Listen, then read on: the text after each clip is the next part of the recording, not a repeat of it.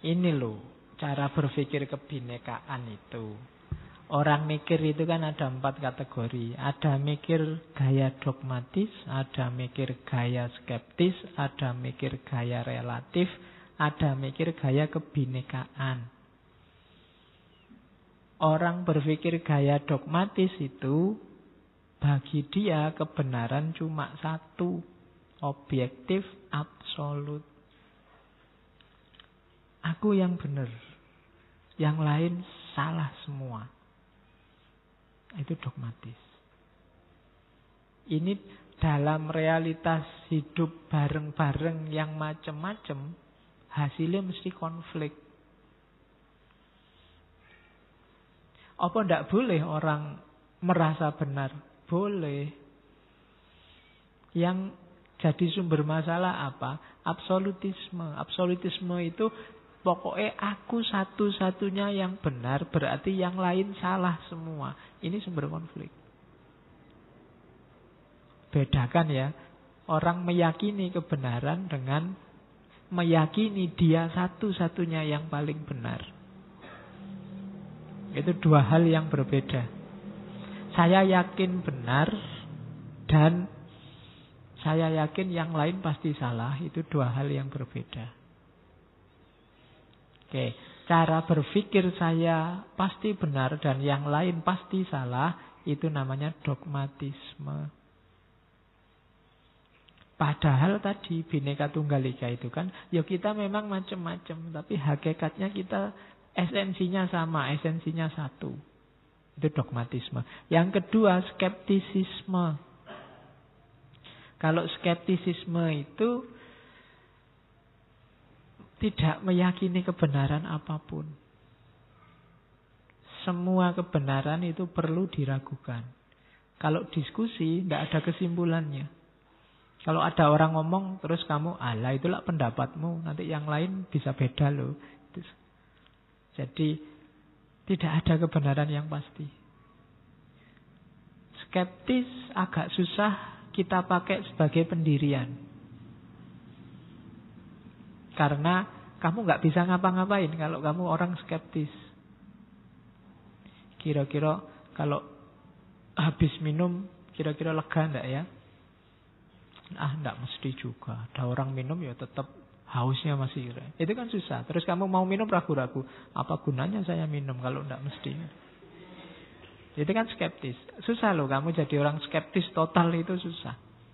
Pasti ada di titik-titik tertentu kamu mempercayai atau meyakini kebenaran tertentu.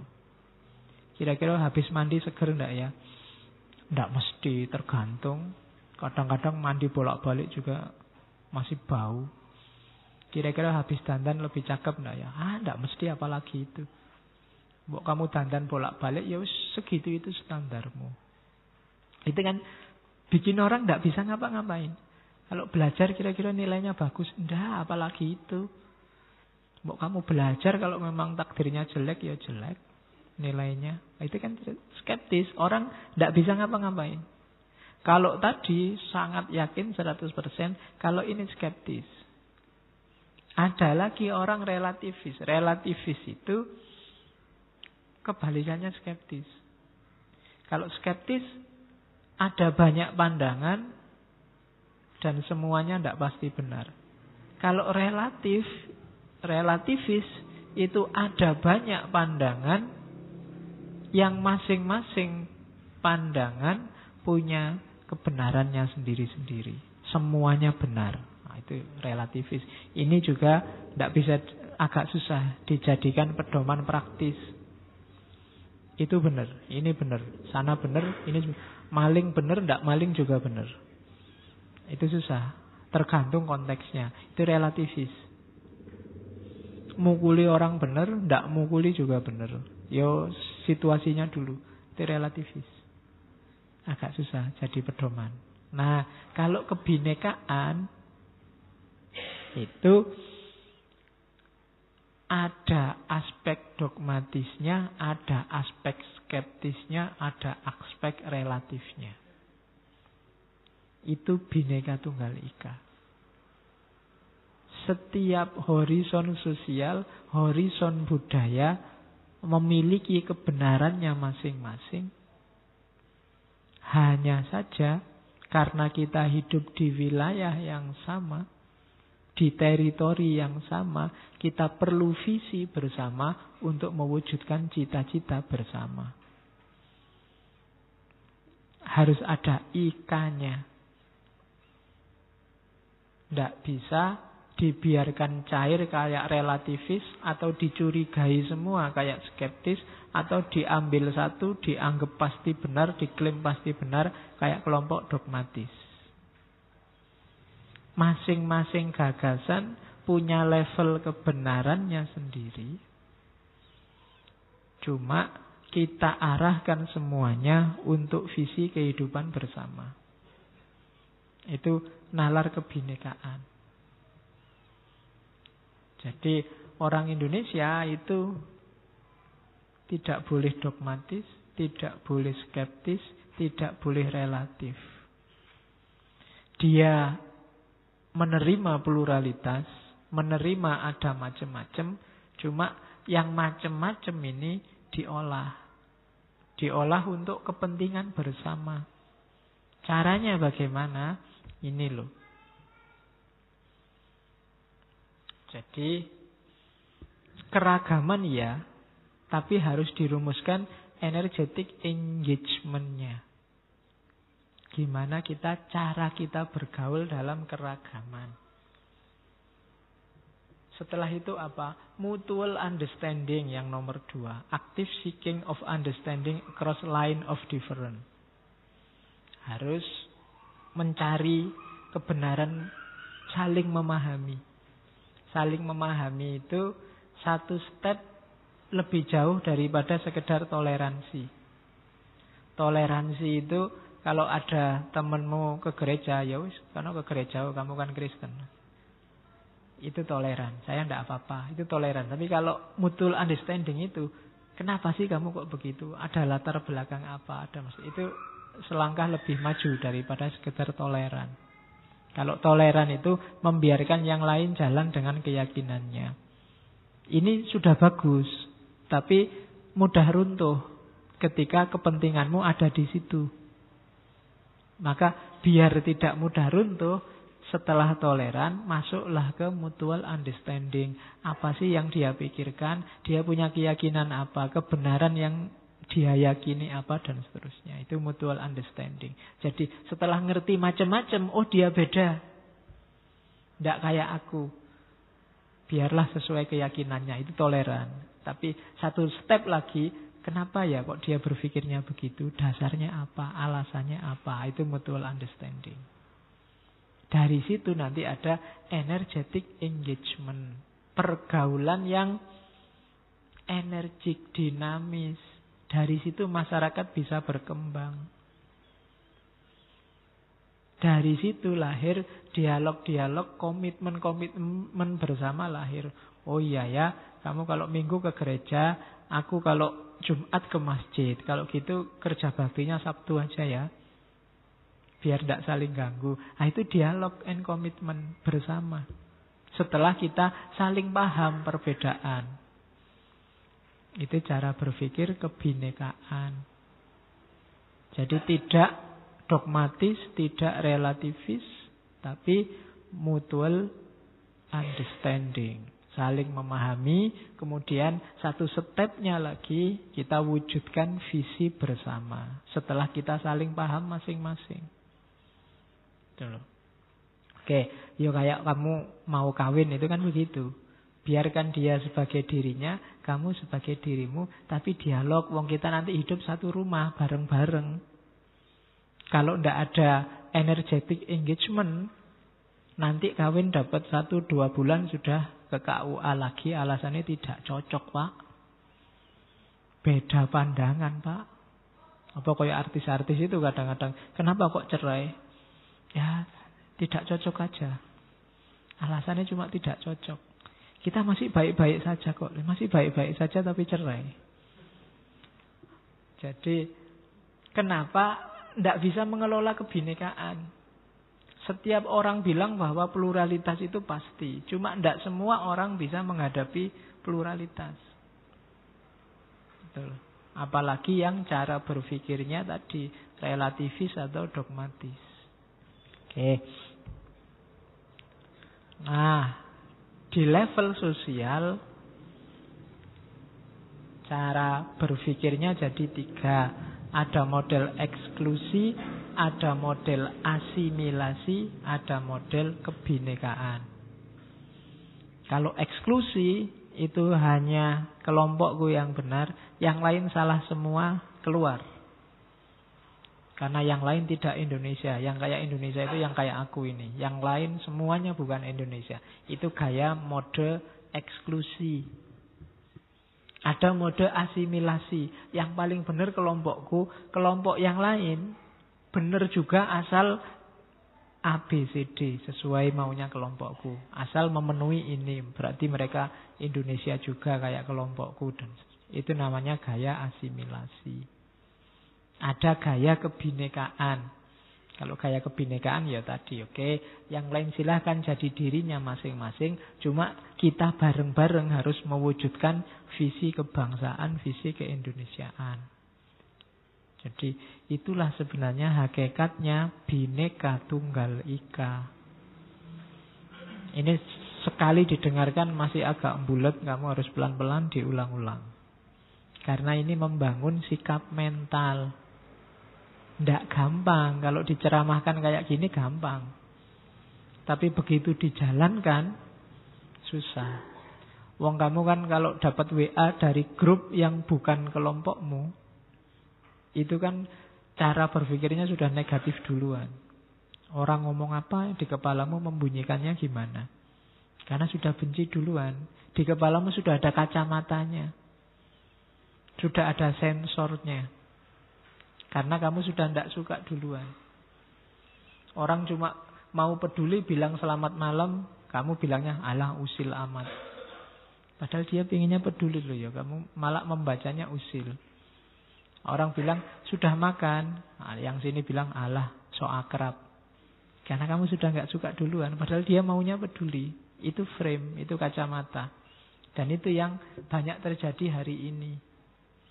Kalau kalau ada orang posting yang baik-baik, kamu anggap pencitraan.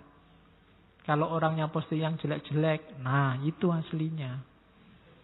Kenapa? Tidak suka duluan. Kebalikannya kalau grup yang kamu suka, kalau posting yang baik-baik kamu unggul-unggulkan, begitu kelihatan jeleknya, kamu carikan alasan bahwa dia oh itu ndak aslinya, itu kan kasuistik, itu kan mesti begitu.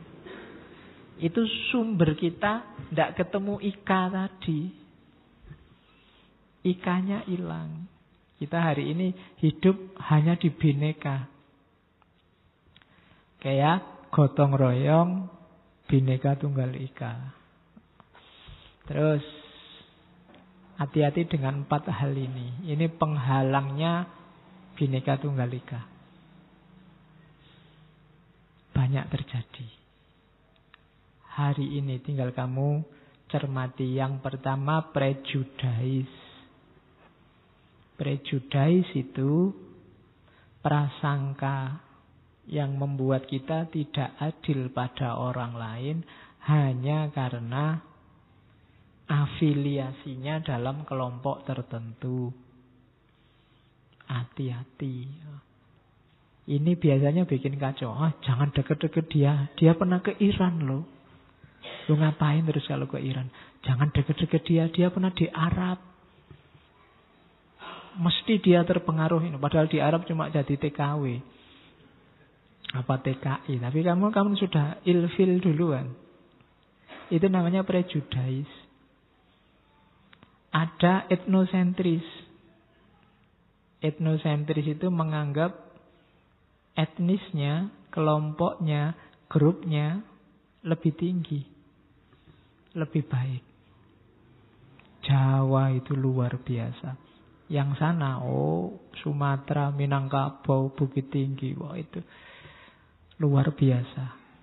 Madura itu, wah budayanya luar biasa itu peradaban kosmopolitan postmodern misalnya. Itu etnosentris namanya. merasa diri tinggi, merasa diri besar. Nah, itu juga sering jadi penghalang kebinekaan. Akhirnya akan merengking, merengking manusia. Ini ada di level mana, aku ada di level mana. Itu sumber problem yang menghalangi kebinekaan atau stereotip. Stereotip itu ya kayak jangan deket-deket sama orang jenggoten. Hati-hati nanti kamu diteror. Nah, itu stereotip. Jangan deket-deket sama yang pakai jilbab besar. Itu stereotip. Jangan deket-deket yang pakai cadar. Itu stereotip. Sebelum kita ngerti yang sebenarnya kita sudah menempelkan label dulu. Karena atribut-atribut tertentu itu stereotip. Ah, dilihat dari caranya berpakaian, ah, itu mesti wis. Ah, apalagi cara ngomongnya pakai ikhwan, akhwat, ah itu mesti wis. Itu stereotip. ya, saya tidak tahu kamu kok alergi kalau ada ngomong akhwan sama ikhwat. Oke, itu stereotip. Terus diskriminasi. Kalau diskriminasi ini biasanya lebih praktikal. Orang kita kecualikan, kita halang-halangi. Ngaji filsafat ini boleh kecuali yang jenggotnya panjang. Kalau nggak mau nyukur jenggotnya keluar aja. Itu diskriminasi namanya. Yang pakai cadar nggak boleh ikut ngaji. Itu namanya diskriminasi. Itu penghalang. Ini nanti akan jadi bibit pada saatnya mungkin kalau yang kita diskriminasi, kita kecualikan punya power, dia akan membalas.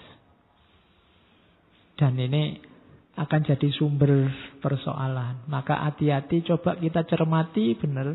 Jangan-jangan kita melakukan prejudis, melakukan etnosentris, melakukan stereotip, melakukan diskriminasi-diskriminasi. Karena ini sering jadi sumber persoalan. Hati-hati. Kalau ada yang semacam ini, ini bibit-bibit konflik pasti itu. Pada saatnya akan lahir chaos dari prejudis, etnosentris, stereotip, dan diskriminasi. Bineka Tunggal Ika tidak akan lahir. Oke, prinsip gotong royong sudah, kebinekaan sudah. Jadi orang Indonesia itu gotong royong Bineka Tunggal Ika. Yang ketiga apa? Ketuhanan. Cuma kita, saya tidak tahu banyak yang salah paham terhadap ketuhanan. Kenapa kok bukan Tuhan yang Maha Esa? Kenapa kok ketuhanan yang Maha Esa? Bagi saya ini kecerdasan para founding father kita. Kalau jadi bedakan antara bertuhan dengan berketuhanan. Kalau bertuhan atau beragama itu manifestasi fisiknya, manifestasi realnya. Tapi hakikatnya itu ketuhanan. Jadi bertuhan itu kesediaan untuk percaya beriman kepada Tuhan. Tapi kalau berketuhanan itu kesadaran bahwa Tuhan itu ada. Kalau yang pertama itu dimensinya vertikal, tapi kalau yang kedua ini vertikal sekaligus horizontal. Kita sadar bahwa Tuhan itu ada, maka perilaku kita secara sadar akan mengacu dan terarahkan berhubungan dengan Tuhan. Maka berketuhanan itu sifatnya esensial. Dia lebih hakiki. Banyak orang bertuhan tapi tidak berketuhanan. Bertuhan itu percaya pada Tuhan, tapi perilakunya tidak menunjukkan dia sadar bahwa Tuhan itu ada dan perannya sangat besar dalam kehidupan kita. Kalau pakai bahasa Inggris, ketuhanan itu istilahnya godliness. Bukan divinity. Kalau divinity itu agak cenderung ke ketuhanan dalam konteks teologi. Tapi godliness itu di beberapa kamus kadang diartikan kesalehan. Jadi ketuhanan itu godliness. Is, isinya apa sih? Godliness itu perkataan, perbuatan, pikiran kita itu sesuai dengan nilai-nilai keimanan, nilai-nilai yang berhubungan dengan Tuhan. Itu namanya godliness, itulah ketuhanan. Jadi ketuhanan yang Maha Esa berarti hidup kita sehari-hari itu mengacu pada keberadaan Tuhan, pada keimanan pada Tuhan. Sesuai dengan garisnya Tuhan. Makanya istilahnya godliness. Jadi ketuhanan yang Maha Esa berarti kita orang Indonesia menjalankan hidup sesuai dengan tuntunan Tuhan. Kalau pakai bahasa lain, sila Pancasila yang pertama itu berarti ketuhanan yang Maha Esa itu berarti menyuruh kita bertakwa. Menjalankan perintahnya, menjauhi larangannya. Jadi nggak perlu galau meskipun ada kata-kata syariat yang dihilangkan.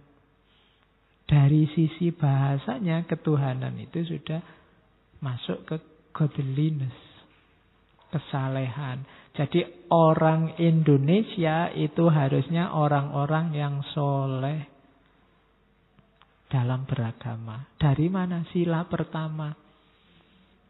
Tidak sekedar bertuhan, tapi mereka berketuhanan yang Maha Esa. Dan jangan salah, Esa itu tidak ada hubungannya dengan jumlah. Esa bukan Eka. Kalau Eka dia artinya satu. Tapi kalau Esa, kalau di bahasa Inggris kan Esa itu the only. The only itu ya enggak. Kalau satu itu kan nantinya ada dua, ada tiga. Itu kan ngomong jumlah. Tapi kalau Esa itu ya satu-satunya enggak ada. Enggak, enggak hubungan sama jumlah. Kalau bahasa fenomenologi agama biasanya pakai istilah wuli other. Wuli other itu yang beda dengan segalanya sudah. Itulah maka pakai istilah Esa. Jadi nggak ada hubungannya loh. Ketuhanan yang Maha Esa satu itu berarti agamaku. Agama yang lain kan tiga. Dia nggak ketuhanan yang Maha Esa. Enggak. Karena nggak ada hubungannya sama jumlah. Esa itu kebertuhanan yang only. Jadi segalanya hanya untuk Tuhan. Jadi Tuhan yang holy others. Yang sama sekali berbeda. Jadi orang Indonesia harus soleh. Dalam hal agama. Maksudnya apa? Beragamanya nggak boleh setengah-setengah.